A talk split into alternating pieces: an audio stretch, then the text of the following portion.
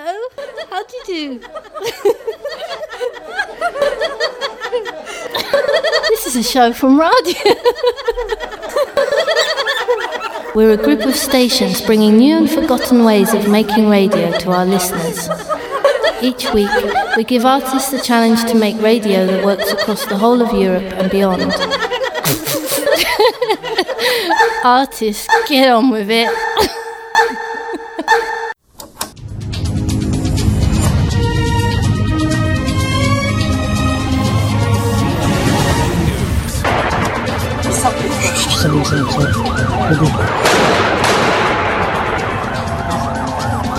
Bonsoir et bienvenue à tous dans cette édition spéciale du journal de 20h. Marathon double bombing ends.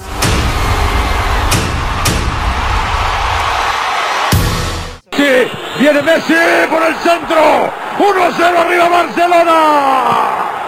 Lionel con su número 7 en la Champions. Número par le fisc parce que soupçonné d'avoir soustrait 2 milliards 200 millions de chiffre d'affaires à l'impôt depuis 2009 en les transférant à l'étranger, au Luxembourg, en Suisse, de l'argent discrètement versé par les magasins franchisés. Sophie parisien. Le même phénomène troublant revient ces dernières années dans les comptes de la filiale McDonald's Ouest parisien. Parmi les résultats évoqués par ce document, par exemple en 2011, le bénéfice, après déduction des charges salariales, atteint près de 20%, ce qui représente environ 15 millions d'euros. Et puis, deux lignes plus loin dans le document, à côté de la mention Autres charges, 13 millions et demi d'euros disparaissent. Alors, à quoi conserver cet argent?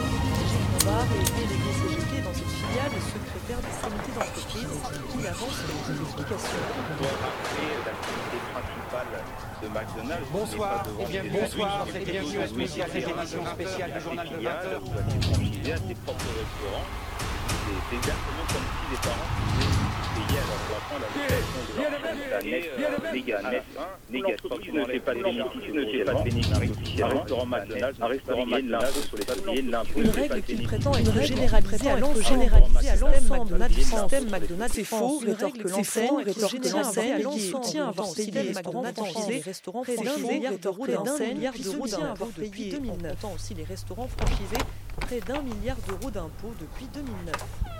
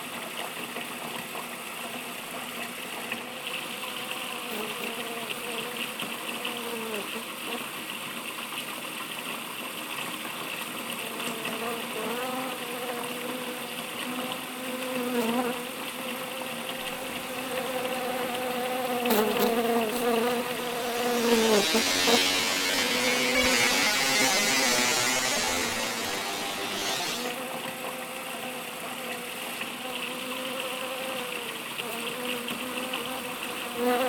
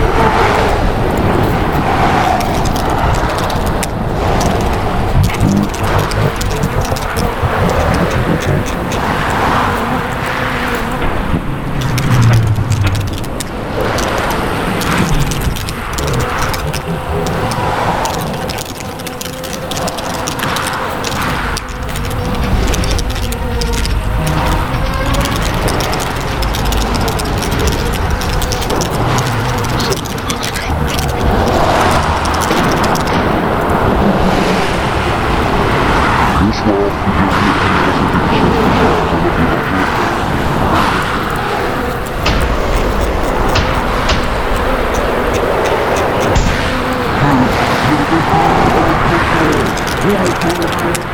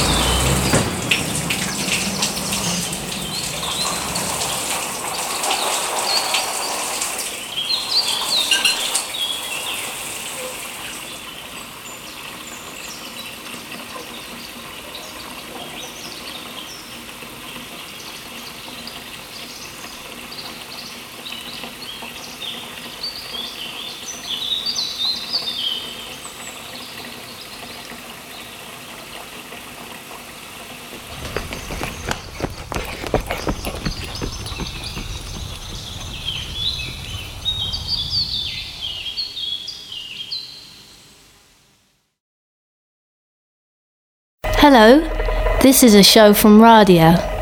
We're a group of stations bringing new and forgotten ways of making radio to our listeners. Delta 2 Yankee, Juliet Romeo. Each week we give artists the challenge to make radio that works across the whole of Europe and beyond. Delta 2 Yankee, Delta 2 Yankee, Juliet Romeo. Are you up for it?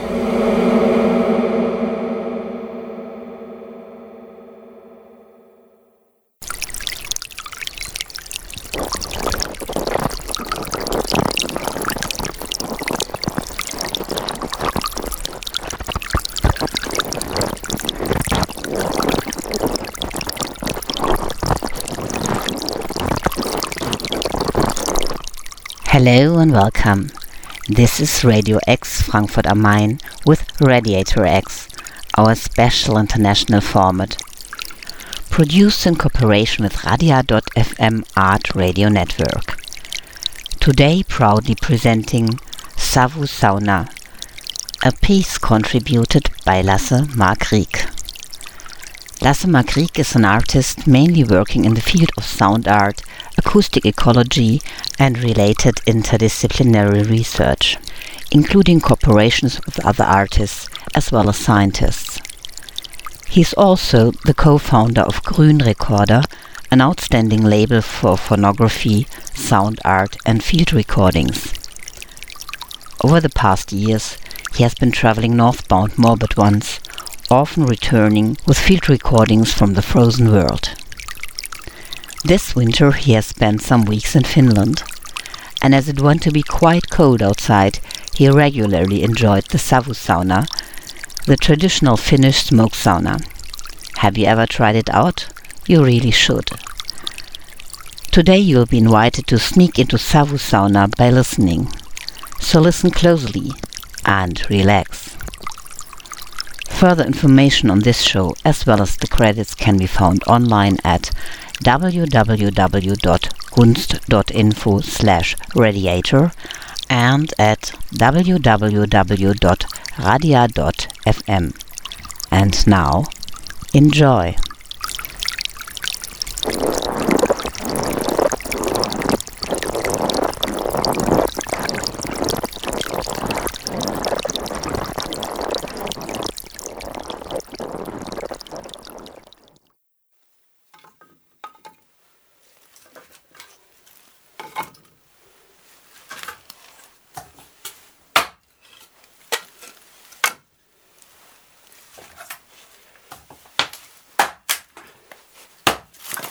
Niin.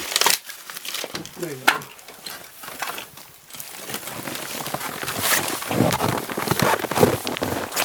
Mä saatan kintaani jättää. Ei. Sie. Oi. No tuota niin. on muutama kalikka. Joo. No niin lähdetään syömään näitä. Ja, mutta tuossa mä otan tuosta vielä tuo. Mä saan sykin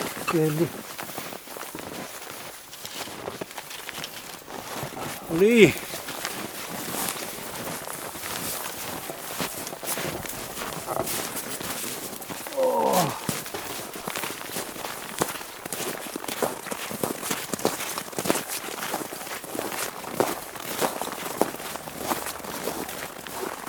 Tuosta tuo lyhty vielä mukaan, niin kun näinkin pimeä näin aamusta, niin saadaan vähän sinne valoa.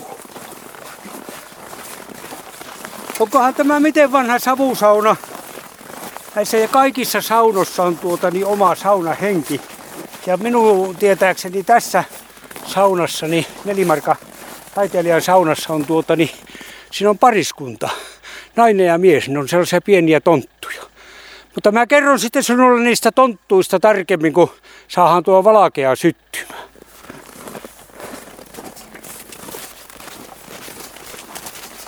Niin. Tänne luotu hyvä tie. Tällainen kapeampi usko.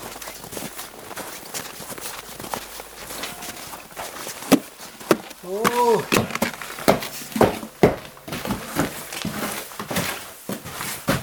No niin. Pannaanpas tuohon puut noin maahan ja Mäpäs ensimmäiseksi sytytän tuo öljylyhyn tuota, niin valakena siihen, että nähdään tuota, niin täällä tee. Oh.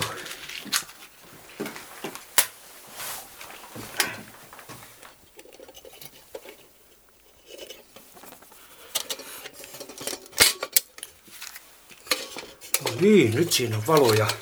Tuosta pikkusen saadaan niin täällä nähdään nyt paremmin. Toimia. Oh. Täkä nuo räppänät ensimmäiseksi avata tuolta ylhäältä.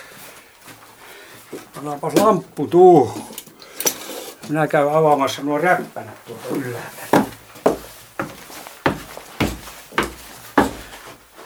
Täällä on kaksi räppänää tällaista. Tämä ja sitten täältä seinän puolelta tällainen. Niin pääsee savu täältä sitten pois täältä saunasta. Ei tänne tukea. No niin. Katsotaanpas. Se on tällaisessa saunassa, niin täällä on tosiaan näitä saunatonttuja.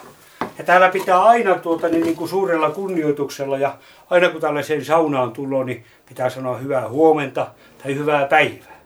Eli nämä haltijat haluaa tuota, niin, tulla tuota, niin huomatuksi.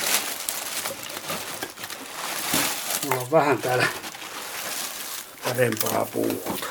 Ja tällaiseen saunaan niin sitten haapanen puu tai leppänen puu olisi niin kuin parasta. Saa siinä valakea. Mutta tuota niin... Oh. Onkohan niissä tuohta? Tuohta otetaan tuosta pikkusen. No niin, ja kokeillaanpa mitä ne. Täällä on pimeää kuin ryssä helvetissä täällä uunissa, että ei sinne paljon näekään. Saako Petteri puhua politiikkaa? En minä tiedä. Se on jokaisen oma asia. Niin, tämä Mutta niin, ruukataan sanoa.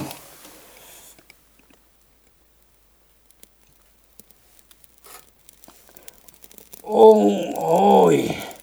Niin, niin mä sanon tuolle hänelle, hänelle, mutta kun ei me saada yhteisymmärrystä, niin täällä tuota niin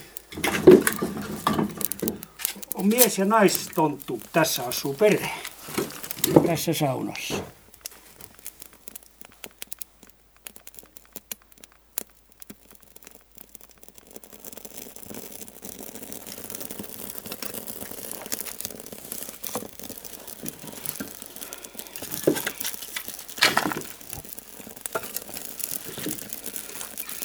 No, täällä on hyvä veto.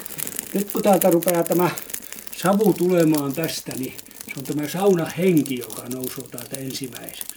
Sitten samaten kun löylyä heitetään, niin se sihahtaa ja sieltä nousee sellainen höy tai patsas näin, niin se on kans saunahenki.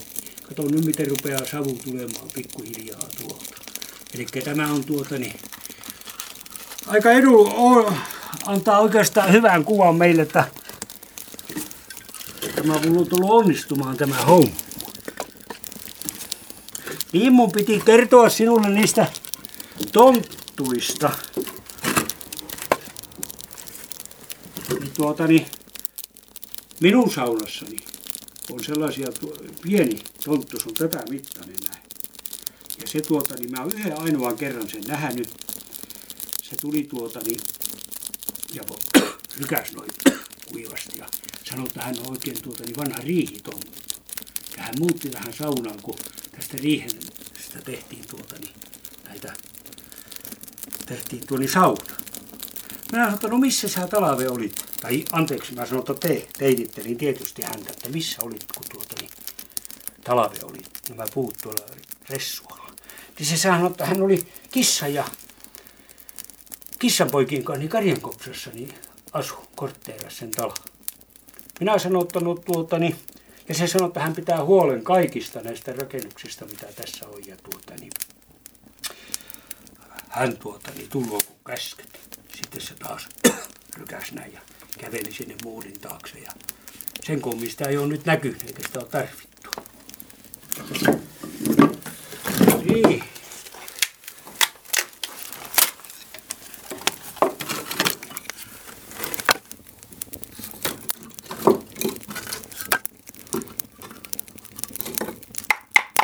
Nämä kuivia. Se on kyllä ihme.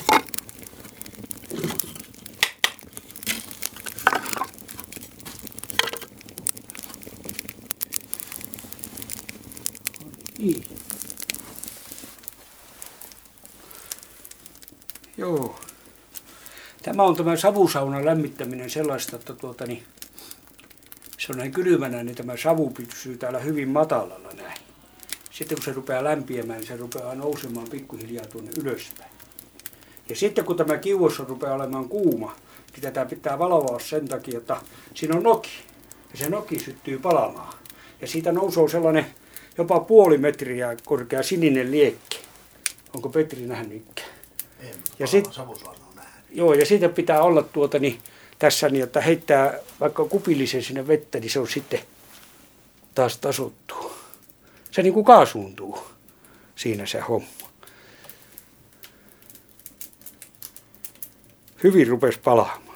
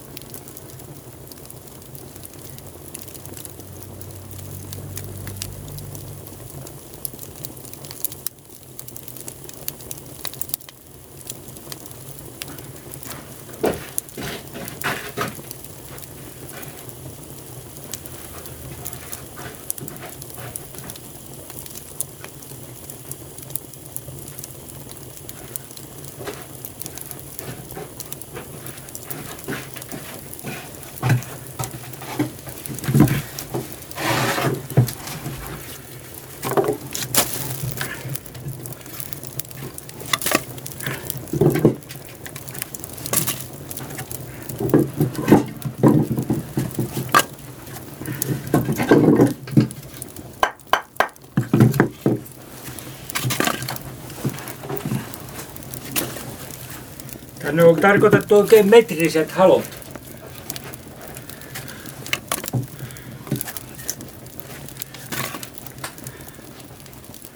Onkohan ne oikein tämän tuota niin korjannut silloin? Tehnyt tätä niin.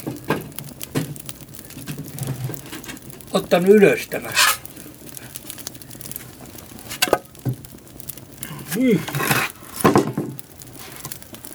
Äkkiä täällä rupeaa nousemaan tämä savu ylös. Ei kyllä, tässä, tässä voisi olla ihan kylykkä kuntoonkin tämä pois.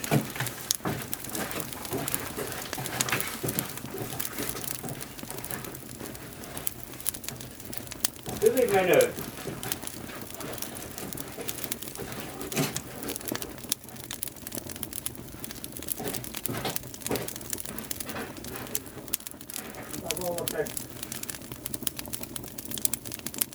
Ne kaataa mitä puut.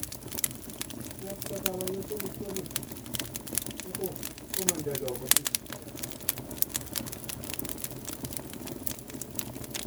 Oli hyvä. Pikku kamera.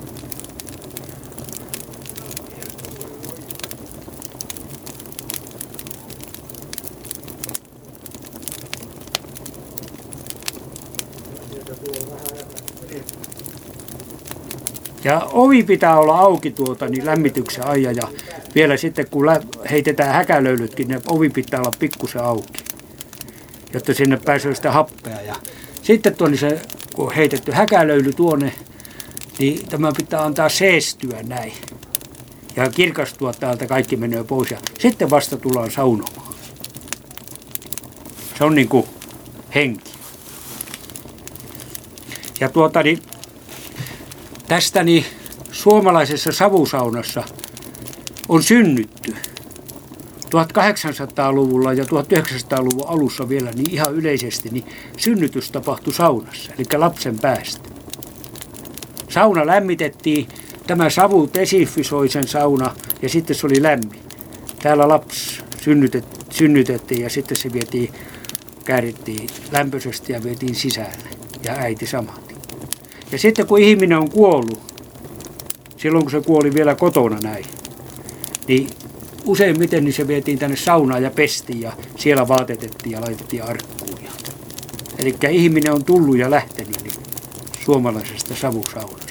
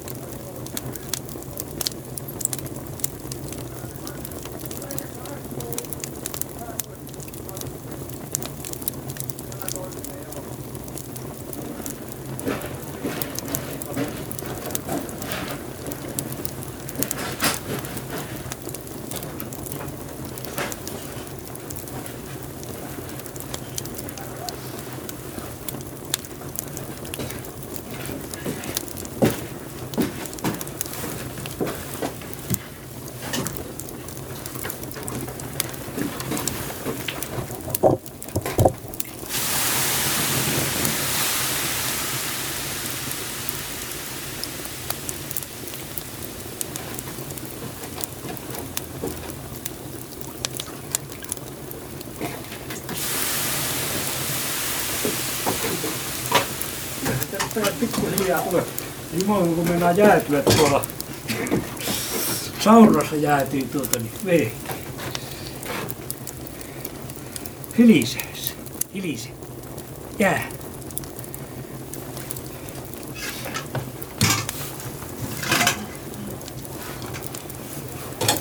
Aistri, eikö mikä se on jää? Jäätä. Joo, aistri.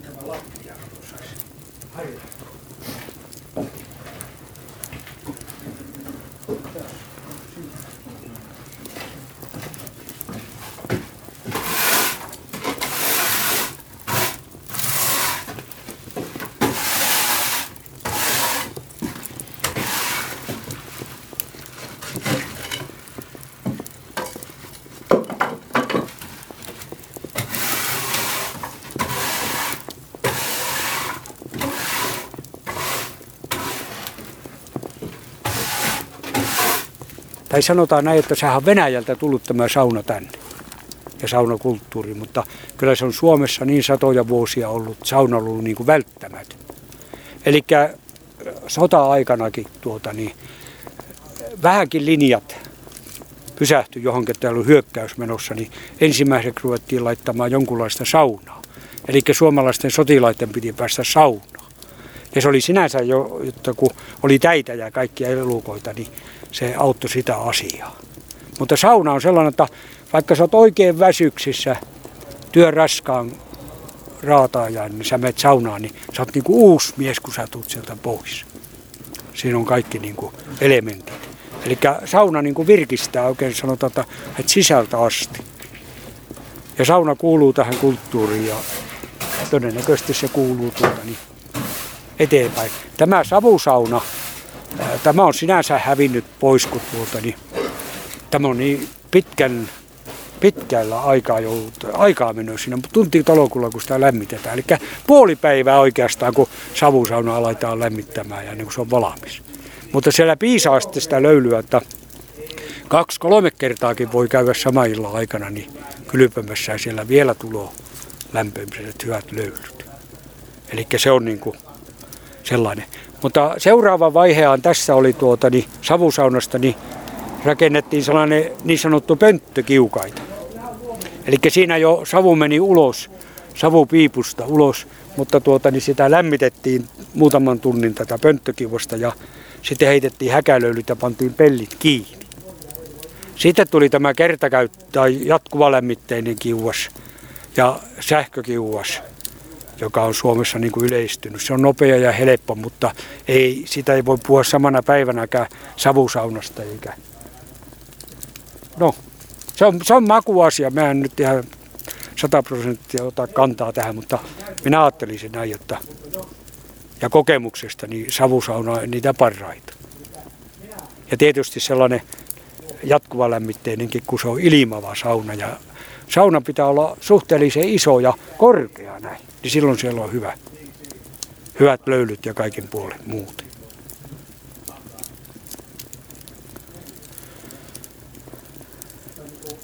Ja sauna on ollut sellainen, että se on ollut joka talossa. Ja jos ei ole ollut tuota, niin omaa saunaa, niin se on ollut kylän sellainen niin kuin yhteinen sauna, josta on lämmitetty niin kuin vuoroa, varsinkin näin talviaikana. Että vuo, vuorottain.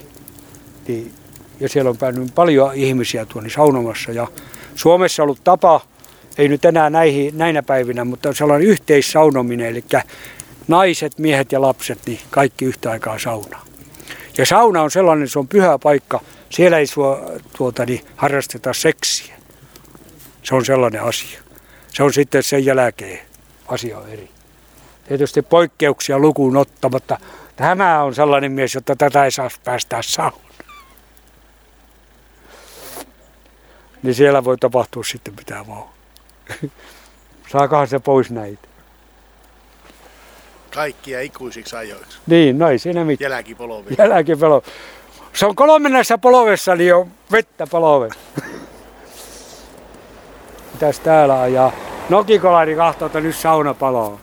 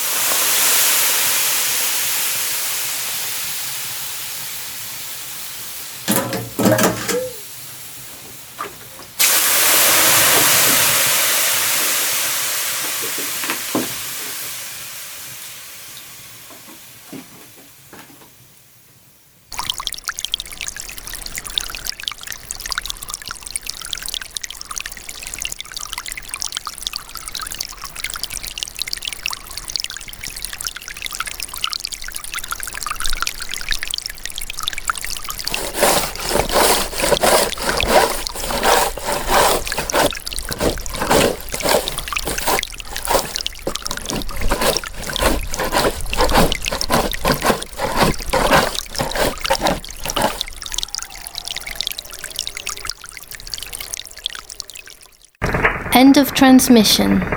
Find us on the internet, radia.fm. Over and out.